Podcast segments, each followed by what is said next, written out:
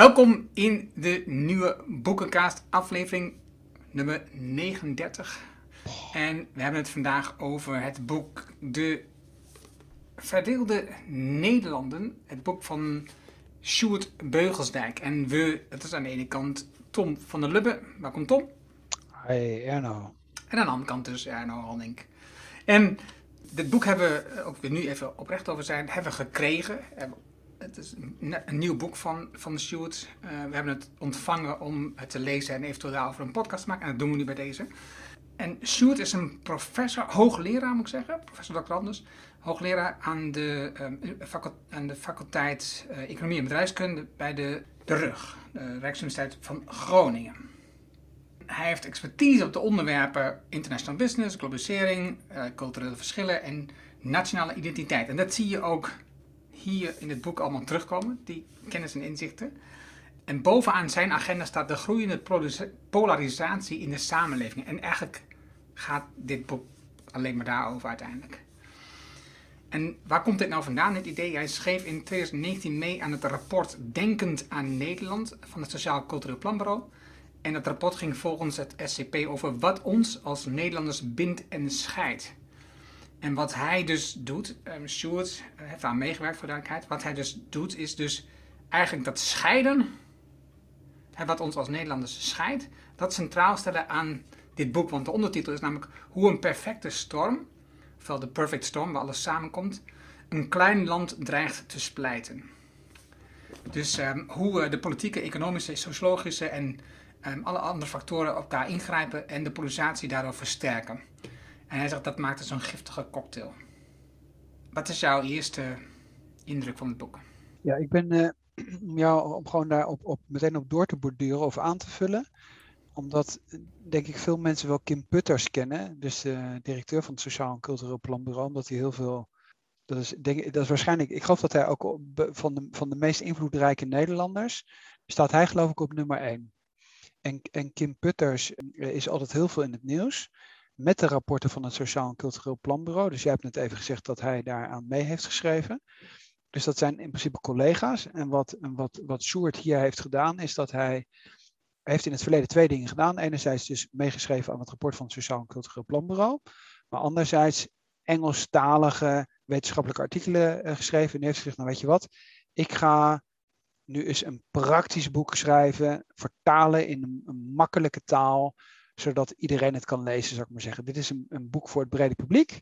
Wat dat betreft is het wel een beetje vergelijkbaar met het boek van Willem Schamade. De heren kennen elkaar ook, uh, overigens. En wat Willem Schamade eigenlijk heeft gedaan met het boek Duurzaam Kapitalisme, waar wij ook al een keer een podcast over hebben gedaan. Ik weet natuurlijk uit mijn hoofd niet welke. Uh, Ik zal een show opnemen. Welke uh, aflevering dat was, maar dat zetten we er dan wel bij. Is wat dat betreft een beetje beetje vergelijkbaar. Dus dat je, dat je een toegankelijk boek schrijft van, van thema's waar best ook wel veel literatuur over is, of ook wetenschappelijke rapporten, waar je zegt van nou weet je wat, dit is een boek wat, wat breed toegankelijk is, ongeveer 200 bladzijden. En dat is eigenlijk voor iedereen is dat, is dat gewoon goed te lezen. Dus dat is, uh, dat is eigenlijk even het kader. En ik zeg er meteen even bij voor alle transparantie dat ik met Sjoerd over het boek gesproken heb. Uh, omdat ik ook al langer met hem geconnect ben op LinkedIn en wist dat het boek aankwam. Hij is ook heel veel in de media geweest, al met het boek. Dus ik denk ook wel dat het op dit moment een heel actueel thema is. Daar duiken we dadelijk wel in. Dus ik denk wat dat betreft is het echt een, qua timing zit hij heel goed. Net zoals Willem Schamade met zijn boek met duurzaam kapitalisme heel goed zit. Want vandaag is de dag dat ABP aangekondigd heeft dat ze uit de fossiele energie stappen. Hè? Dat is een, uh, ik zou maar zeggen, het positieve bericht van vandaag. Nou, wacht even nou je daar toch al begint. Maar op Twitter zei hij, ja, dit is eigenlijk gewoon slecht nieuws. Iedereen juicht het nou toe als een bijzondere goede actie. Maar eigenlijk moesten ze juist zich concentreren een aantal fossiele bedrijven en hun helpen en stimuleren tot een omschakeling. In plaats van zich te terugtrekken en het op anderen uit te laten komen. Dus, dus Willem gaat daar een stap verder in. En... Dat is misschien ja, een andere discussie. Nee, maar, zie, maar om even aan te geven dat, dat Willem eh, hier ook, dat zie je ook, en ik denk, ik ga, en dat zal ik verwachten van Stuart ook zien, dat hij ook daarin nog steeds uh, blijft vernieuwen en onderzoeken en uitdagen op dat onderwerp, omdat het niet uh, met het boek natuurlijk stopt. Klopt, het zijn in ieder geval beide mensen, dus voor mensen die dat, ook die discussies willen blijven volgen, en niet alleen zeggen van hé, hey, ik luister even nu naar die bespreking van Erno en Tom. Nee, dit zijn beide mensen, we hebben het natuurlijk ook vaak al over Rijnlands, dat komt naar de hand ook terug. Zowel Willem Schamade als Sjoerd Beugelsdijk zijn nou voorbeelden van Nederlanders die, overigens, Sjoerd heeft heel lang in Amerika ook gedoseerd, et cetera, komen we misschien naar dan ook nog even terug. Dit zijn mensen die op dit moment actief deelnemen aan het debat, actief het debat ook vormen, daar een invloed op willen uitoefenen. Daarom is dat voorbeeld van die tweet, die ik overigens nog niet heb gezien, ook weer een goed voorbeeld. Dus als mensen zeggen van nou, dat vind ik wel een interessant thema, dan volg dit soort mensen als soort Beugelsdijk of kijk naar de recensies die in alle kranten zijn verschenen over het boek. En voor Willem Schamade ook, want wat is uiteindelijk het grotere doel? Dat we met z'n allen die wereld een beetje beter maken. En dan kun je natuurlijk wel zeggen, volg Kahneman uh, op, op Twitter of volg uh, Daniel Pink op, uh, op LinkedIn, et cetera. Maar dit zijn Nederlanders waar je heel dicht op kunt zitten en, en, en die echt in Nederland bezig zijn dingen positief te veranderen. En, en begrijpelijk beschrijven. Ja. En niet van die Amerikanen die dan een andere uh, U-bocht maken richting het Rijnlandse, terwijl ze eigenlijk gewoon in de kern super Anglo-Amerikaans zijn. Nou, en om daarop terug te komen, die had het net over, ik had het ook gelezen dat hij in Amerika had gewoond een tijd lang. En wat hij dus zie, wat hij dus zag, is steeds meer de winner-takes-all-achtige discussies. En dat is natuurlijk in Amerika heel erg duidelijk. Hè. Je zag het in, in het verlies van Trump, die dat dan negeert. Maar het gaat vooral over de verliezer van het debat wordt alle rechten ontnomen, zegt hij. En dat zag hij in een kwalijke vorm in de VS toen hij daar van 2013 tot 2000 heeft gewoond in South Carolina. Dat is natuurlijk al een staat richting um, de kant waar het heel erg uh, benauwd is altijd. Um, en omringd door Trump-aanhangers. En dus hij zag hoe zij hun tegenstanders volkomen delegitimeren. Wat wij zien, en daar hebben wij het ook vaak over, jij en ik, maar we hebben het ook vaak met Pieter van Os en met Jaap-Jan Brouwer over. Wat wij in Nederland nogal de neiging hebben, aan alle kanten, bedrijven, overheid, al die kanten, zorg, is het Anglo-Amerikaanse model aanhangen en, en boeken, Amerikaanse boeken lezen. En de grote voorbeelden zoals Jeff Bezos en Elon Musk, vandaag nog weer bericht over Elon Musk dat, die, eh, de waarde van Tesla naar de, de belachelijke waarde van uh, eh, 1000 miljard was gestegen. En het is alleen de waarde van de aandeel voor duidelijkheid. Het heeft niets met omzet van auto's te maken. En dus wat je dus ziet, wat hij dus ziet, is toch die verschuiving van wat daar al lang plaatsvindt, waar we eigenlijk van onszelf zeggen, dat is niet goed, komt toch hierheen. En dat is natuurlijk eigenaardig. We, we zien dat, dat dat is niet wat we willen. We zouden niet willen dat, noem maar eens een van politieke leider, een bepaald moment zeg maar, een aanval doet op de Tweede Kamergebouw en daar het overneemt of iets dergelijks. Kunnen we ons dat niet voorstellen. Maar, maar we dreigen wel die kant op te gaan. Ja, dat is het grote voordeel dat hij, omdat hij uh, uit Amerika terug is gekomen, eigenlijk, Amerika loopt natuurlijk wat dat betreft bij die polarisatie heel erg voorop. Is het natuurlijk, als je wilt zeggen van ja, wat is dat precies, die polarisatie en wat is er gaande? Dan is natuurlijk iemand die uit Amerika hier weer terugkomt, is natuurlijk heel dankbaar. Omdat, omdat iemand in principe uit de toekomst terug, terug gaat naar waar wij op dit moment zijn. En dan kan zeggen, jongens, pas op, eh, ik heb al gezien waar dat toe leidt. Uh, en om het misschien even heel praktisch af te sluiten tussen aanhalingstekens. Iedereen die bijvoorbeeld familie of kennissen of wat dan ook in Amerika heeft, weet dat republikeinen en democraten soms binnen families niet meer met elkaar praten. Dat is in Nederland nog wel relatief onbegrijpelijk. Dus ik, ik denk niet dat we in Nederland al zover zijn dat afhankelijk van je positie die je hebt ingenomen met betrekking tot Zwarte Piet, ik noem het maar even, want dat is een voorbeeld wat steeds terugkomt in het boek, dat je zegt van nou, ik praat nu niet meer met mijn broer of zuster of met mijn oom of tante, omdat zij over Zwarte Piet een andere mening hebben. En we hebben, zijn, ja, we hebben daar ruzie over gemaakt, zou ik maar zeggen. Maar zover is het in Amerika dus wel. Ja, en terwijl er toch in families nu ruzie is rondom bijvoorbeeld vaccinatie en uh, het, het, gedrag in, over corona. En ook daarin zie je precies diezelfde polarisatie. En heeft niet zoveel met politieke achtergrond te maken, maar wel diezelfde polarisatie. Oké, het boek. Het boek heeft zes hoofdstukken, een inleiding waarin hij de vier uh, zaken uitlegt in het kort. Dan heeft hij het over Nederlands of Nederland, en dat komt voor het groot deel uit het rapport. Wat vinden wij nou eigenlijk wat een Nederlander is? Uh, dan, is dan komen de stukken aan bod: globalisering, individualisering, nieuwe politieke verhoudingen. En dan komt zijn hoofdstuk met eigenlijk voorstellen hoe je de polarisatie zou kunnen stoppen. Dus laten we eens beginnen bij wie is eigenlijk die Nederlander? Nou, de top 10 is um, is heel grappig. Want hij is ook eigenlijk op meerdere vakken vaak uh, tegenstrijdig. Dus je hebt nummer 1 is de Nederlandse taal. Nummer 2 is vrijheid. Nummer 3 is Koningsdag, 4 doordenking, bevrijdingsdag, de Nederlandse vlag, pakjesavond Sinterklaas, gelijkheid van man en vrouw voor de wet dan, vrijheid van meningsuiting en de democratie. Dus aan de ene kant, en dat, dat, dat benoemt natuurlijk, aan de ene kant hebben we dus tradities, gewoontes waar we aan vast willen houden. Hè, dus, Zwarte Piet discussie bijvoorbeeld. Maar aan de andere kant hebben we dus ook dat we vinden dat we vrij moeten zijn. Hè? Dat we dus vrijheid hebben om te kiezen, vrijheid van meningsuiting. Dus wij, wij mogen vrij zijn om onze mening te uiten, maar een ander mag niet zeggen dat Zwarte Piet eigenlijk niet meer past in deze samenleving. En dus daarin zie je heel sterk die, die verschillen. Dat we dus aan de ene kant wel vinden dat we vrij moeten zijn, aan de andere kant vinden we ook dat we vast moeten aan tradities. Ja, dat is wat hij uh, zegt. Ik zit hier op bladzijde 42, dus met, uh, met de taal en de normen en waarden. Uh, wat, jij, wat jij net zegt. en daar is wat op zich wel aardig is, om misschien even te noemen, is dat, dat er is een lijstje op bladzijde 44 in het boek, lijst van 185 kenmerkende aspecten van Nederland, opgesteld door het Sociaal en Cultureel Planbureau in 2019. En daar staat dus van alles en nog wat staat erin. Hè? Dus van 1 april grap, gewoon doen, niet naast je schoenen lopen, tot uh, de, de, nachtwacht of de moord op Pim Fortuyn of de Nederlandse vlag. Uh, maar ook de zonnebloemen van Vincent van Gogh, et cetera, et cetera. Dat is gewoon allemaal, wat dat betreft zijn die rapporten van de Sociaal en Cultureel Planbureau ook heel erg interessant. Ook best wel leesbaar, vind ik. Is het in, interessant om te zeggen, ja, wat, wat, wat maakt een Nederlander nou tot een Nederlander? Hè? Wat is nou onze nationale identiteit die ons met elkaar verbindt? En hoe meer afstand je hebt en dan in het buitenland bent, des te meer merk je, oh, nou, dat is een Hollander, weet je. Dus dat is, en dat is, hier is dat in principe wat zakelijker, academisch, academischer opgeschreven. Uh, maar dat is ook de soldaat van Oranje Theater. Zo staat dan, staat dan boven Spinoza. Dus het is, het, is, het, is, het, is, het is ook wel weer interessant dat men die vrijheid neemt om gewoon echt alles, uh, alles onder elkaar te zetten. Zonder uh, te zeggen van ja, dat past eigenlijk helemaal niet bij elkaar. En hij komt in dit hoofdstuk terug op universalisten en traditionalisten. Dus de traditionalisten, dat zijn de mensen die vasthouden aan tradities, traditionalisten, en gebruiken. En aan de andere kant heb je universalisten die dus eigenlijk veel meer um, openstaan voor verandering van over de hele wereld. Wat eigenlijk nu een beetje gebeurt, wat van Beugelsdijk, of wat, wat ziet, is dat die traditionalist op dit moment een beetje zegt van ja, stop, uh, tot hier niet verder. We zien het bij boeren, we zien het bij de Zwarte Piet discussie, we zien het bij heel veel aspecten.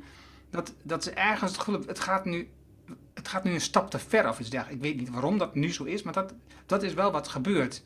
En ze voelen zich ook gekwetst, waarschijnlijk omdat ze steeds meer in een ja, afgelegen gebied komen. En ook eigenlijk door de randstedelingen worden afgeschilderd als, nou ja, dat zijn de mensen die achtergebleven zijn en die allemaal niet meer begrijpen.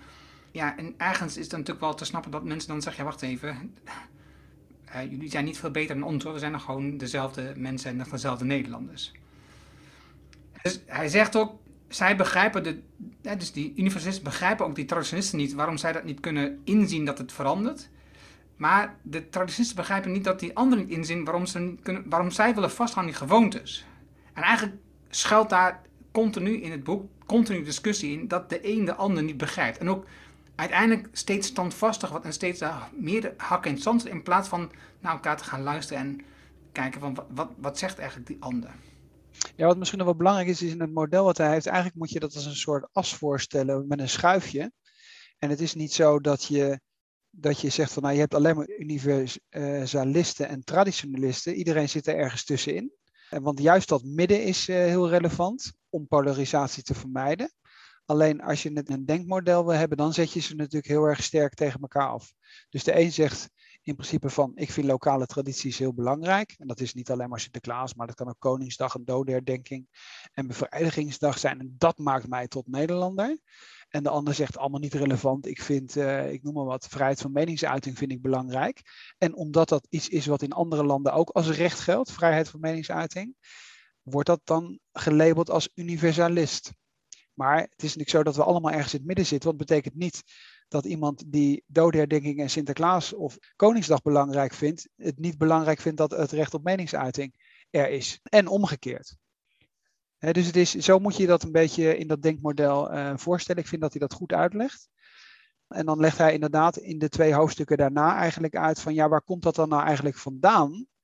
Die polarisatie. En dan, dan is het misschien zinvol dat we iets over globalisering of individualisering zeggen. Omdat, omdat natuurlijk de verschillende segmenten in de maatschappij, om het misschien even heel simpel als een soort conclusie vooraf eigenlijk te zeggen, het hangt eigenlijk altijd vanaf in hoeverre je geraakt wordt door bepaalde ontwikkelingen. Dus even simpel, om even bij Trump te blijven, omdat hij uit Amerika komt. En America First.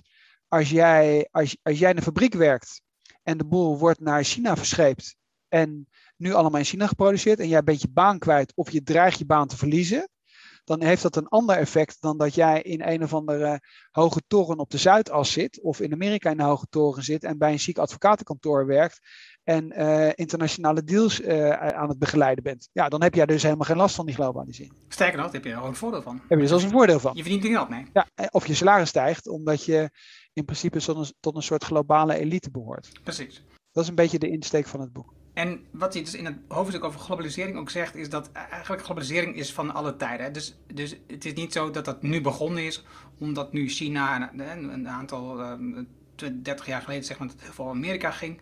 Het, het, het, is van alle tijden. De, Romeinen die zijn ons land binnengevallen en hebben gewoonte. De, de, de, Germanen, de Vikingen, al die aspecten, al die mensen. Het is altijd continu een verandering van wat er gebeurt in de wereld om je heen. Um, wat er gebeurt met, met je gedrag, met je gewoontes. Doordat andere mensen invloed op je uitoefenen die van verder komen. En dat, en dat zal zo blijven. Ook als je te maken met immigranten.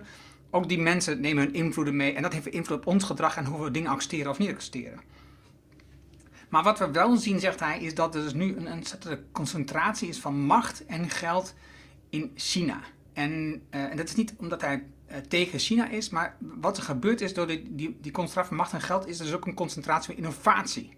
En die concentratie daarvan, um, we hebben het vaak al gehad over eh, onder andere het boek van Nieuw Europees Ondernemen en ook onder het boek van Hidden Champions zie je nog dat Europese bedrijven heel krachtig zijn door hun innovatie. Omdat ze veel tijd en aandacht besteden aan mensen die ontwikkelen, waardoor innovatiekracht bij die mensen blijft en met de klanten samen wordt gedaan. Maar nu zie je toch een innovatieconcentratie in China. En dus omdat die concentratie zo groot is en zoveel geld mee gemoeid is, zorgt dat dus eigenlijk voor meer verliezers en minder winnaars. Dat is wat hij zegt. En dat was natuurlijk, als je naar het boek van Herman Simon kijkt, ja, waarbij het in een veel groter gebied in Europa het veel beter, of laat ik anders zeggen, in ieder geval anders verdeeld is dan, dan dat, nu lijkt te zijn.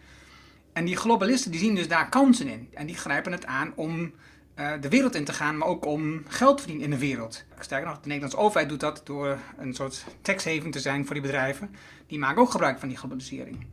Maar dat is maar de vraag of de mensen die dus buiten die randstad wonen, buiten die Zuidas wonen, even, laat het zo maar zeggen, of die, of die ook dat, datzelfde gevoel aan overhouden. En, en wat je al zegt, ik denk het niet. Ik denk dat dus wij uh, op het platteland, ik woon in Doetinchem, ook ervaren dat het, dat het globalisering een negatief effect heeft op onze wereld. Mensen die pakjes bestellen bij AliExpress, ja, dat is een fantastische trend zou je kunnen zeggen, maar het is ook fnuikend voor onze eigen economie en voor onze eigen innovatie en ontwikkeling waar doen we nou goed aan? Dat is, dat is de vraag. En, en dus zie je dus mensen die dat deel wel begrijpen en die ermee omgaan. En mensen die daar vooral de nadelen van proeven en zich afvragen hoe moet ik daarmee omgaan dan? En hoe moet ik daar dan straks nog mijn werk mee en mijn brood mee verdienen?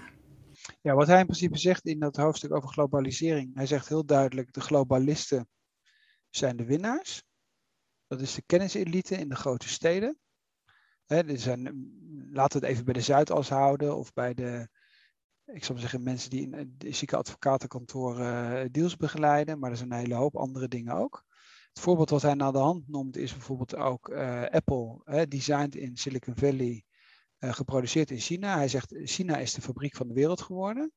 En door die verschuiving van die, van die waardeketens, is degene die, die tussen aanhalingstekens praktischer opgeleid is of lager opgeleid is, hè, tegenwoordig heet het dan praktisch opgeleid, die leidt eronder, want die fabrieken hebben ze gesloten en die boel wordt ge geïmporteerd.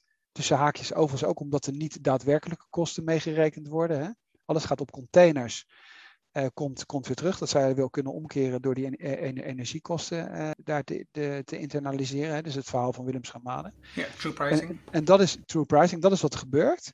En daardoor komen er een hele van die dingen samen met ongelijkheid en onzekerheid. hey, ik verlies mijn baan of mijn kinderen hebben geen toekomst meer, uh, et cetera. En, en, dat zorgt ervoor dat de boel verder polariseert. Dus je krijgt een sterkere polarisatie ook, ook binnen, hè, dus het gaat natuurlijk over Nederland, tussen de Randstad en de periferie.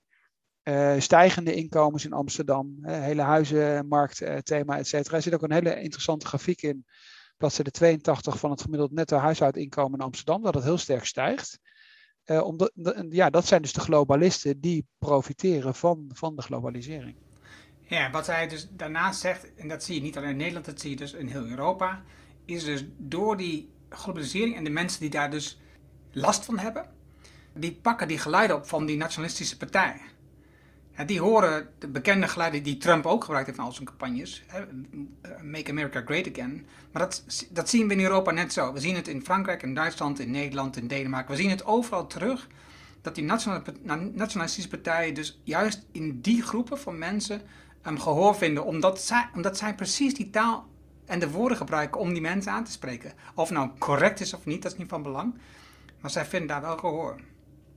Dat is misschien wel interessant om dat heel even in te voegen. In Zwitserland, in Zurich, is 30% uh, buitenlander, maar dat zijn hoog opgeleide expats. En uiteindelijk is iedere bevolkingsgroep die, die zich bedreigd voelt, en het maakt niet uit op welk niveau, daar ontstaat overal polarisatie. De Zwitser die hoog opgeleid is, maar zich bedreigd voelt door de Duitse arts die hier naartoe komt en misschien nog ambitieuzer is of nog beter is, die voelt zich net zo bedreigd als iemand die in een textielfabriek heeft gewerkt en de boel naar China geëxporteerd heeft, hè, dus de, de, de machines. Dat is iedereen die bedreigd wordt, die neigt op een gegeven moment meer naar ja, wat in principe in Amerika gebeurd is, dat alles wat tussen de grote kusten zit, ja, dat is allemaal republikeins uh, geworden, omdat die mensen allemaal een, een, een sterke uh, stijging van onzekerheid hebben. En dat is bij Jean-Marie Le Pen in Frankrijk overal hetzelfde. Ja.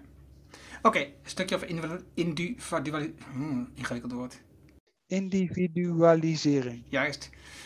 dus dat is dus eigenlijk wat je ziet, wat we allemaal wel herkennen, door, de horen in de media van, dat, hoor, maar dat zie je zelf ook eh, aan alle fronten als ik al kijk naar de sports waar ik mee bezig ben. Hè, dus voetbal, mensen die vooral bezig zijn uh, het sport van mijn kind. En ik wil zien dat mijn kind groeit, maar uiteindelijk zijn ze niet aanwezig wanneer er wordt gevraagd om uh, vrijwilligerswerk. En dus de investering zien we steeds meer. Uh, mensen doen steeds meer voor zichzelf, met zichzelf. En zien hun eigen succes als het meest belangrijk wat ze zullen nastreven.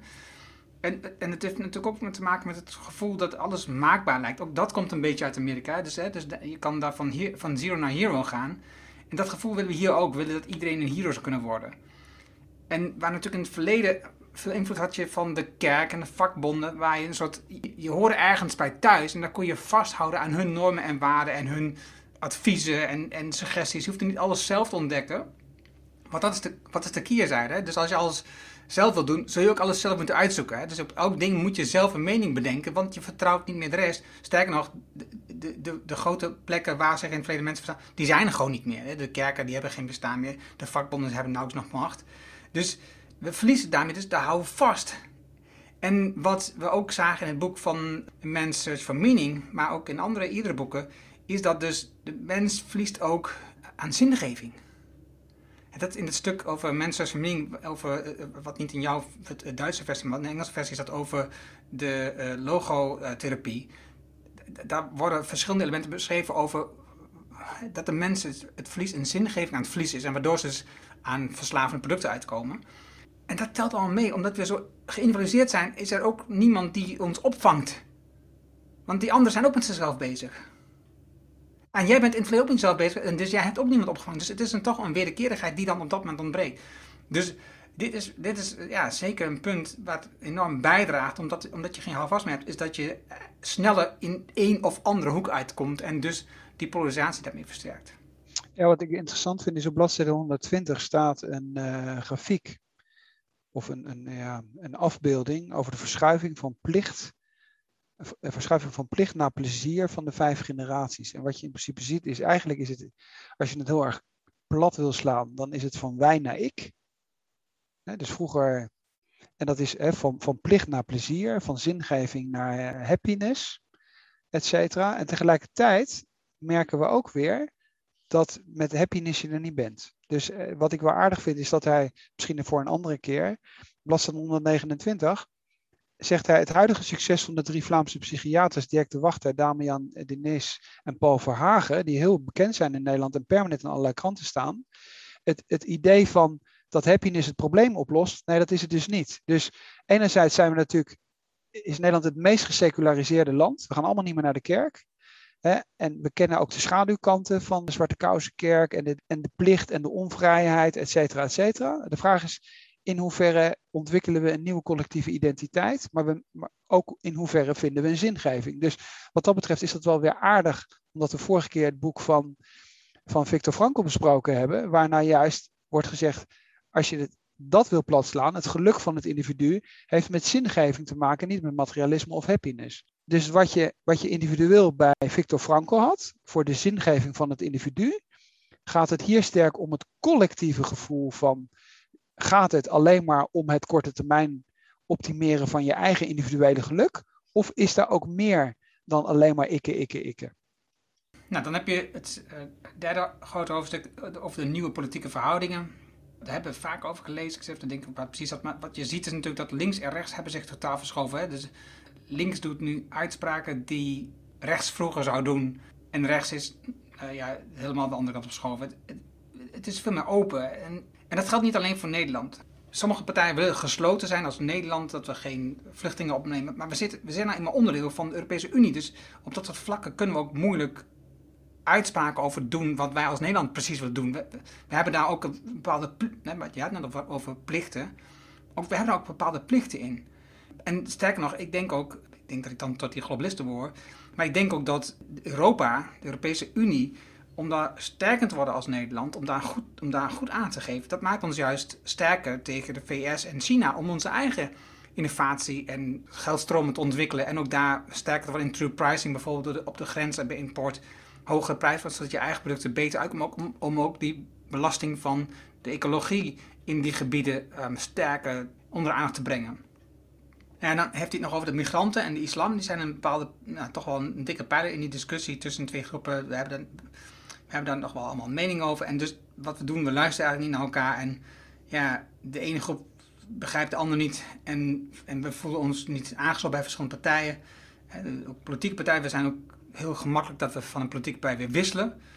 We zijn ook niet echt lid van een politieke partij. We zijn, we, zijn gewoon, we vinden hun ideeën wel aardig en de stem op hun. Maar ja, echt daar iets mee doen, dat is een tweede ding.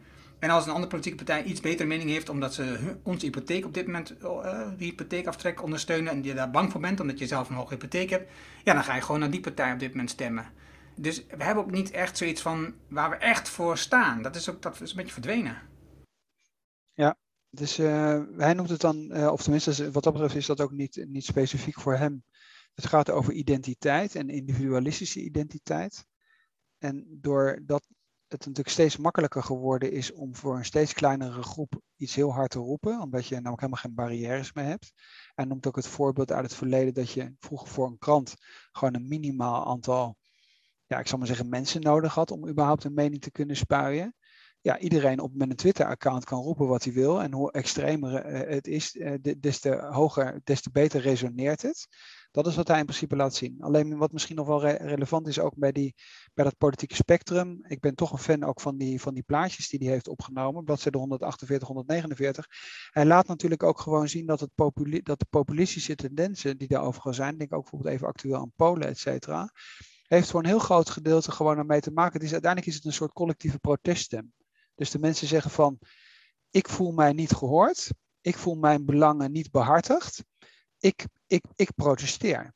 En dat of dat dan Hongarije of Duitsland de AFD is, of de Brexit, of Salvini, of Fox in Spanje, of Baudet, of Boris Johnson, of wat dan ook. Het staat, staat allemaal staat op dezelfde as. Dus wat dat betreft hebben we, eh, combineert hij dat, vind ik goed. Dat hij laat zien dat is niet uniek. We hebben dezelfde problemen. En of het nou in, Frankrijk de gele hesjes zijn. De mensen voelen zich in de steek gelaten. En dat in de steek gelaten is niet alleen een constatering, maar het is wat je serieus moet nemen. En dat is in principe waar hij aan het eind van het boek, wat ik heel goed vind, een brug probeert te bouwen. En zegt van, jongens, we zullen het toch met elkaar moeten doen. En dat betekent dat we respect voor elkaar standpunten moeten hebben. En dan gaat hij in principe, wat ik, heel, wat ik overigens het sterkste gedeelte van het boek vind, dat laatste hoofdstuk, misschien dat we daar ook echt nog even in moeten duiken. omdat hij, wat je heel veel ziet bij boeken, is dat er wordt iets beschreven. En dan zeg je, ja, oké, wat is nu de oplossing? En dan is het boek afgelopen. Het kan zijn dat er dan nog een volgend boek komt. Dat hebben we met Matsukato bijvoorbeeld gezien. Maar wat ik heel, heel, heel erg sterk vind, en waar hij ook veel respect voor verdient, vind ik, is dat laatste uh, hoofdstuk. Waar hij gewoon heel duidelijk zegt, ja, hoe de polarisatie te stoppen. En komt dan met punten. Ik wil ze ook even doorlopen. Het eerste punt is de verzameling van individuele rechten. Wij zitten in een democratische rechtorde. En Cenk Willink heeft het ooit al gezegd, hè, voorzitter Eerste Kamer, Tweede Kamer. De, deze rechtsorde sluit in, niet uit dat is waar we nu mee bezig zijn. We zijn mensen aan het uitsluiten. Nee, het gaat, het gaat om dat we mensen insluiten. Hè? Dus het gaat over inclusie. Globalisten moeten erkennen dat de gedeelde symbool en tradities een functie hebben. Die hebben ze, want die zorgen namelijk dat wij ons Nederlander voelen. Dus dat heeft een functie. Maar de traditionalisten moeten inzien dat de samenleving verandert. En dat doet hij altijd en continu. En dus ook die tradities, want die veranderen ook continu. Wat we nu normaal vinden dat de vrouw um, meer recht heeft dan het aanrecht, dat was 50 jaar geleden niet te bedenken. En dan kan wel zeggen, ja, die tradities zijn belangrijk, maar in het verleden waren die tradities ook niet altijd goed. Dus dat is het niet. Ze veranderen gewoon en ze worden ook beter. Vrijheid is niet alleen individueel recht, zegt hij, maar ook een collectieve plicht. En dat vind ik een mooie afsluiting ook. Het is niet alleen een recht, vrijheid, want, want dat is wat we graag willen zien. dus, dus, we hebben een recht, we mogen spreken, want we hebben vrijheid, we mogen kiezen of we ingeënt worden, ja of nee. Dat is een recht, nee, maar je hebt ook daarmee een collectieve plicht met elkaar, als je het recht aanneemt. tweede, geen zero-sum game, wat wil je daarover zeggen? hij zegt daar um, dat natuurlijk het, de, ik zou zeggen, het debat is niet meer goed. Dus het, het debat heeft aan, als er überhaupt een debat is, dan, dan, hij zegt er is geen debat meer, laat staan een echt gesprek. Het zenden domineert. Nou, dat zie je heel veel. Vind ik overigens in Nederland veel en veel sterker dan bijvoorbeeld in Duitsland en uh, Zwitserland. De landen waar ik voor de rest dan, uh, ik zou maar zeggen, de pers volg. Dus in Nederland is dat veel en veel erger. Maar dat is ook omdat Nederland bij een hele hoop andere dingen ook voorloopt. Dus het is niet meteen een waardeoordeel. Het heeft meer te maken met een tijdsas. Net zoals Amerika gewoon altijd veel, veel verder is. Maar dat geldt voor agiliteit en andere dingen ook. En hij noemt het dan zero-sum game. Het is niet zo dat als je respect hebt voor tegenover en het eerste, hè, first seek to understand, then to be understood. Andere boekenpodcasts, Seven Habits of Highly Effective People. Probeer eerst eens te begrijpen en respect te hebben voor iemand anders een mening. Ga dan in debat, maar met respect. En wat je op dit moment ziet, is dat er eigenlijk alleen maar gezonden wordt. En daar is natuurlijk bijvoorbeeld Twitter is daar het meest extreme uh, voorbeeld. En hij zegt, uiteindelijk is het gematigde midden, heeft natuurlijk altijd de meerderheid. Alleen als je natuurlijk dat extrapoleert en je kijkt alleen maar naar de extreme, ja, dan wordt het een heel lastig gesprek. Ja, nee, wat, hij, wat hij daarbij noemt is bijvoorbeeld twee elementen die ik nog noem in de media. Aan de ene kant heb je bijvoorbeeld tv-programma's. Ik, ik, kijk er niet naar, maar je ziet ze veel, het praatprogramma's op tv. En wat hij daarbij zegt is, zag nou dat de experts eerst de feiten op tafel leggen voordat je mensen naar een mening vraagt. En als je namelijk eerst een mening vraagt, dan, daarna is het bijna onmogelijk om nog de feiten te presenteren. Want dan heb, je al, dan heb je al zoveel discussie over die meningen. Dat is het ene ding. En het tweede ding wat mij ook opvalt, is dat er veel columns zijn in kranten. En columns zijn door de bank genomen gewoon meningen van mensen. Een visie. En niet onderbouwd. Er zit, er zit weinig onderzoek achter. Daar, daar gaan mensen gewoon los op op Twitter en op, op LinkedIn. Op columns. Weet je, onderwerp spreek je aan en dan vind je het fantastisch. Onderwerp spreek je niet aan en dan vind je het verschrikkelijk. Ja, wat ik op misschien nog wel, dat vind ik heel goed, want ik heb het namelijk ook uh, gearcheerd in het boek, bladzijde 179. Uh, ik, ik heb even nagedacht, maar ik, ik weet niet precies in welke zending dat is, omdat ik ook helemaal geen tv kijk. Maar het zou bijvoorbeeld voor de publieke omroep zou het heel makkelijk zijn als je praatprogramma's hebt, een redactie te hebben, die bijvoorbeeld de meningen van, van politici die daar genoemd worden, parallel even checkt.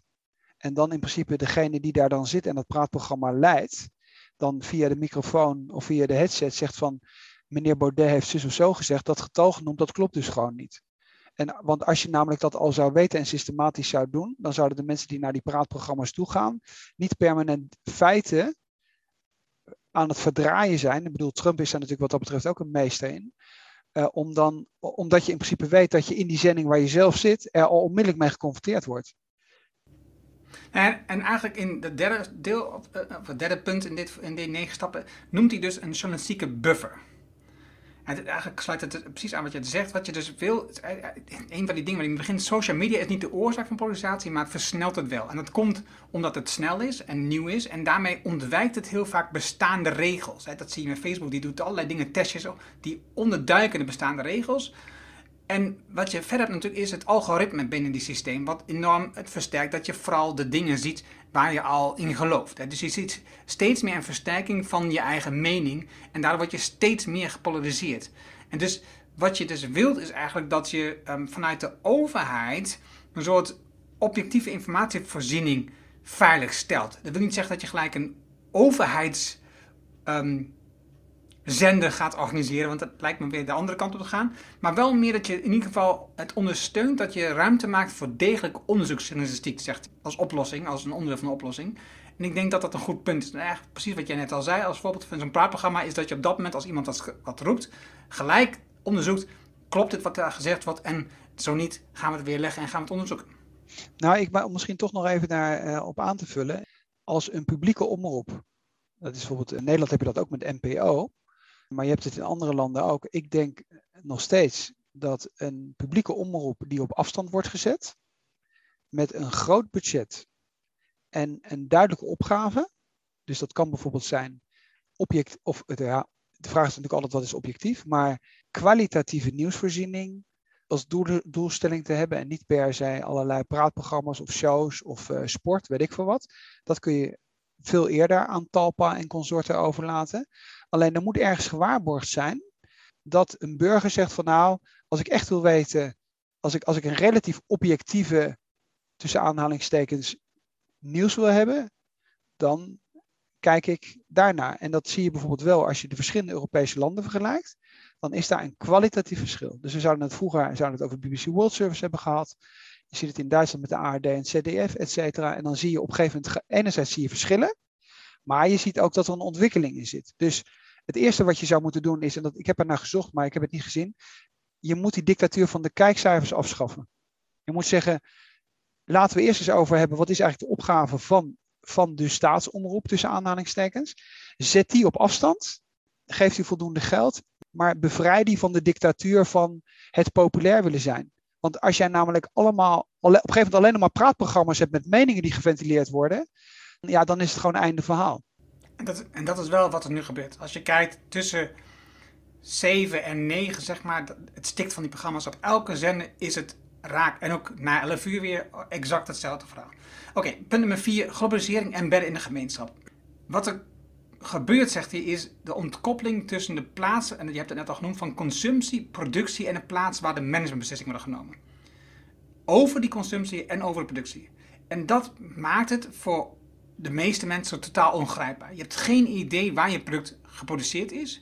Want het zijn allemaal onderdelen die op verschillende plekken in de wereld worden gemaakt. Maar je hebt ook eigenlijk helemaal niet een goed idee wie die beslissing heeft genomen om dat ding te produceren op deze manier. Dus um, wat hij voorstelt is dat je gaat van just-in-time. Dus wat een just-in-time gebeurt is een product wat ergens geproduceerd in verschillende onderdelen komen samen op die plek en worden dan één nieuw product. Dat is op just-in-time wordt aangeboden. Dat is dan de meeste kostenbesparingen die worden getoond. Nou, tussen quotes. Hij zegt maar just in case. Dus je houdt veel meer rekening met de onvoorspelbaarheid in de keten. We hebben natuurlijk gezien met het, uh, dat schip wat het Suezklaar blokkeerde. We hebben gezien met, uh, met, met, met, corona in China, waarbij de hele productie daar stil komt te liggen in gebieden. Waarbij je gaat just in case. En dit grijpt weer eigenlijk terug, vond ik in ieder geval, naar het boek Anti-Fragile. Waarbij dus juist kijkt, oké, als ik dus alles op die manier uh, samenvoeg, dan wordt het dus heel fragiel. Maar wat kan ik doen om juist sterker te worden van dat soort omstandigheden, van zo'n boot- en? Nou, dat is, de productieketens korter maken, waardoor het weer grijpbaar wordt en je steeds meer controle krijgt over het hele proces. En dus dat betekent eigenlijk dat de grote bedrijven zich meer moeten aanpassen aan de reacties op de wensen van consumenten, NGO's, regels van de overheid. Dat, en dat is wat ik dan bijvoorbeeld noem, uh, een idee wat hij had over de technologie die je aan kunt gebruiken, is de New Fork bijvoorbeeld. Ik heb een gesprek gehad met deze, deze dame daarvan, de oprichter. Die maken de processtappen van het voedsel inzichtelijk door met blockchain te werken. Waarbij je dus kunt zien waar het product, de, de, de, het fruit, de, de, de, groente vandaan komt, waar het allemaal is geweest. Door te werken met blockchain kun je daar als consument precies alle stappen zien. En dat geeft dus transparantie En krijg je dus meer verbinding en ook meer ja, grip en gevoel voor het product. En dat is denk ik wat je wil bereiken. En dus technologie, zegt hij, kan hier dus een stuk in zijn. Overigens, wat hij ook zegt, is het belastingparadijs in Nederland past hier ook totaal niet in. In dit gedachtegoed. Want we onthouden namelijk die andere landen heel vaak ook, dus de landen op het zuidelijk halfrond, van belastinginkomsten. Want die romen die bedrijven hier in Nederland af. En wij hebben er niks aan, wij kunnen niks mee. En die mensen krijgen het geld niet die ze eigenlijk. Nou, het is het geld ook binnen de EU, hè? Het is niet alleen uh, zuidelijk halfrond. Nou, maar zuidelijk halfrond is het, is het heel ernstig, vind ik zo. Ja, dat klopt. Maar bijvoorbeeld uh, de multinationals die in Amsterdam een uh, hoofdkantoor hebben waar alleen maar de financiële stromen daarheen lopen. Wat dat betreft moeten we in ieder geval een schouderklopje uitdelen. Want hij, hij, hij legt de vinger wel op de, op de zere plek en durft het ook te benoemen. Want hij zegt hier, voor de globalisten zou het onbegrijpelijk moeten zijn dat Nederland op deze manier buitenlandse overheden belastinggeld onthoudt.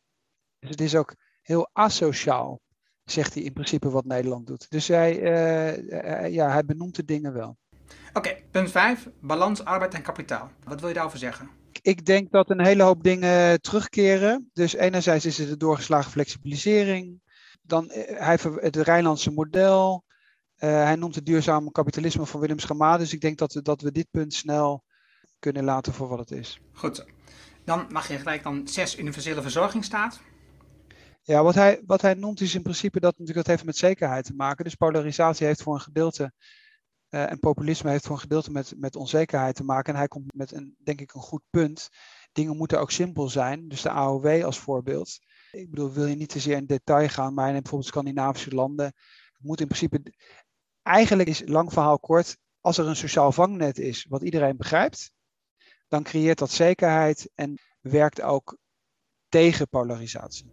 Ja, en wat, wat ik dan nog interessant vond in, dit hoofdstuk is ook dat um, hij noemt voorbeelden zoals de, uh, de reorganisatie van de kinderopvang. Wat ervoor zorgt dat we, wat we nu hebben is een, selectief, een selectieve verzorgingsstaat voor een heel groot deel. Waarbij we dus selectief kijken naar welke mensen hebben hier recht en welke niet. En dan werken we met heel ingewikkelde uh, structuren met belastingenvoordelen en allerlei, allerlei regels. Maar om al dat in stand al die regels te controleren en die mensen te controleren, hebben we dus heel, een heel groot ambtenaarapparaat nodig. En dat gaat echt ten koste van de mensen die eigenlijk het geld zouden moeten hebben. Dus als we het veel universeler maken, zoals hij het noemt, dat die voorzieningen echt voor iedereen zijn, dan wordt het een stuk in heb je veel meer ambtenaren nodig en kun je dus meer geld uitkeren.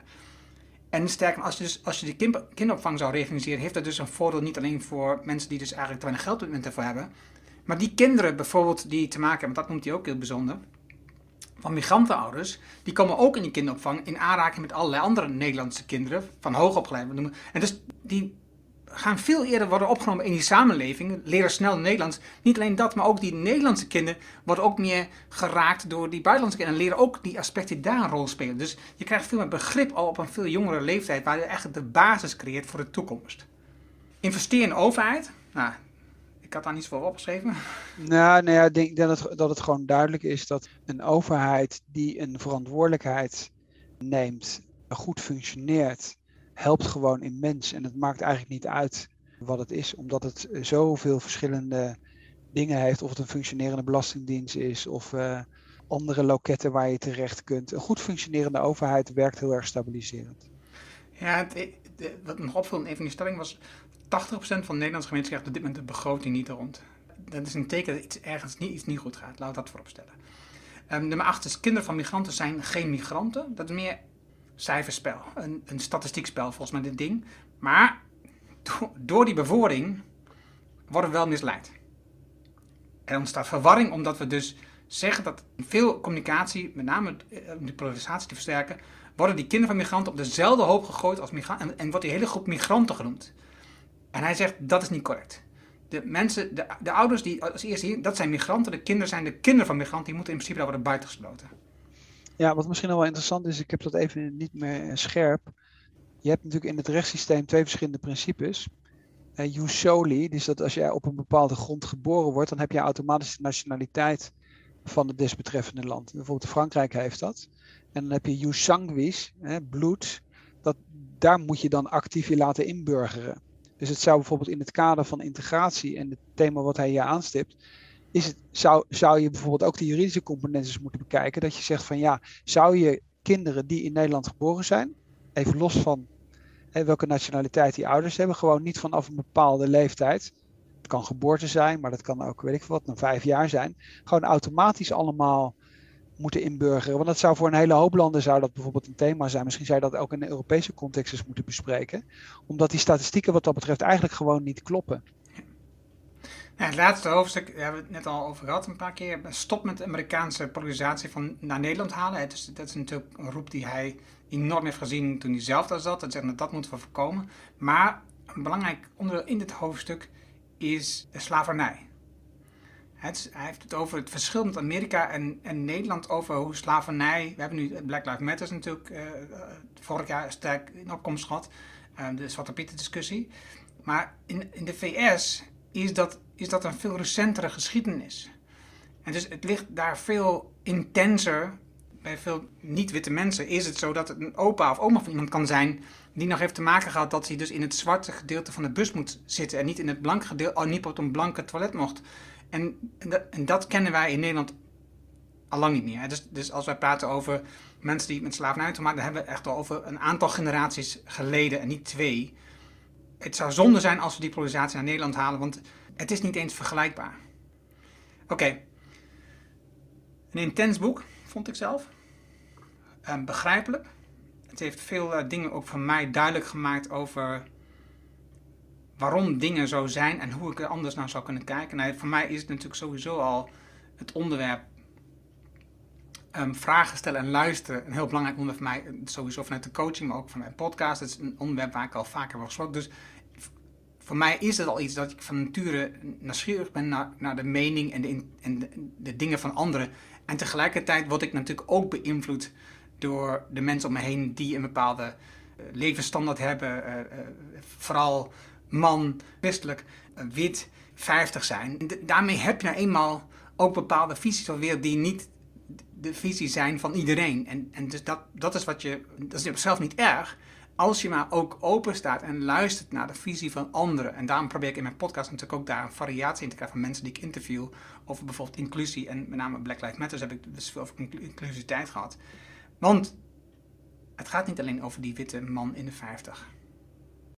Wat ik afsluitend nog wel wil toevoegen over het hele boek is wat ik erg aangenaam vind, is dat het boek goed leest. Maar dat er, als je bijvoorbeeld echt wilt verdiepen, of zou willen verdiepen, het notenapparaat wat er, wat er achter in het boek zit, is zeer, zeer uitgebreid per hoofdstuk. En dat is voor een, een boek wat voor, de brede, voor het brede publiek gedacht is. Zit er naar verhouding, uh, zit er verhouding zitten er veel verwijzingen in. En dat maakt het, uh, vind ik ook uh, prettig, omdat je dan op, op bepaalde thema's die je bijzonder, die je, die je echt interessant zou vinden, waar je verder mee door zou willen. Soms zijn het ook gewoon links naar ik noem maar wat krantenartikelen of wat dan ook. Dat is zeer, zeer zorgvuldig gedaan. Ja, ik zou ook zeggen, dat lijkt me ook logisch als je professor bent. Ja, je merkt, ik zou zeggen, je merkt wel dat het is een professor die een boek schrijft wat algemeen toegankelijker is. Maar hij zorgt wel dat als hij iets roept, dat er ook een bron bij vermeld staat. En dat is, vind, ik een, vind ik zeer aangenaam. Ja. Oké, dat was hem. Dankjewel. En het boek De Verdeelde Nederlander van Stuart Beugelsdijk, wat ons betreft een aanrader om te lezen als je wilt verdiepen over wat op dit moment gaande is. En als je nadenkt over hoe kun jij bijdragen aan het terugdringen van de polarisatie. En als mens, als ondernemer, denk ik ook, heb je daar zeker een rol in te spelen. Um, denk aan niet alleen je rechten, maar ook aan je plichten die je hebt als mens. Uh, dankjewel voor het luisteren. Heb je voor ons een suggestie, een idee voor een boek wat wij zouden moeten lezen en bespreken in deze podcast, stuur het ons op. Ik kreeg uh, vandaag nog een suggestie naar aanleiding van onze podcast over het boek van uh, A Man's Search for Meaning. Van een ander boek van datzelfde kaliber. Ik had er nog nooit van gehoord. Dus dat zijn tips die heel welkom zijn. Want dan maken we namelijk kennis nieuwe boeken die we ook zouden kunnen bespreken. Dank je wel daarvoor. Je kan het doen op LinkedIn. Daar zijn we altijd heel makkelijk bereikbaar. Of onder deze video of audio waar je maar luistert of, of kijkt. Dankjewel en graag tot de volgende.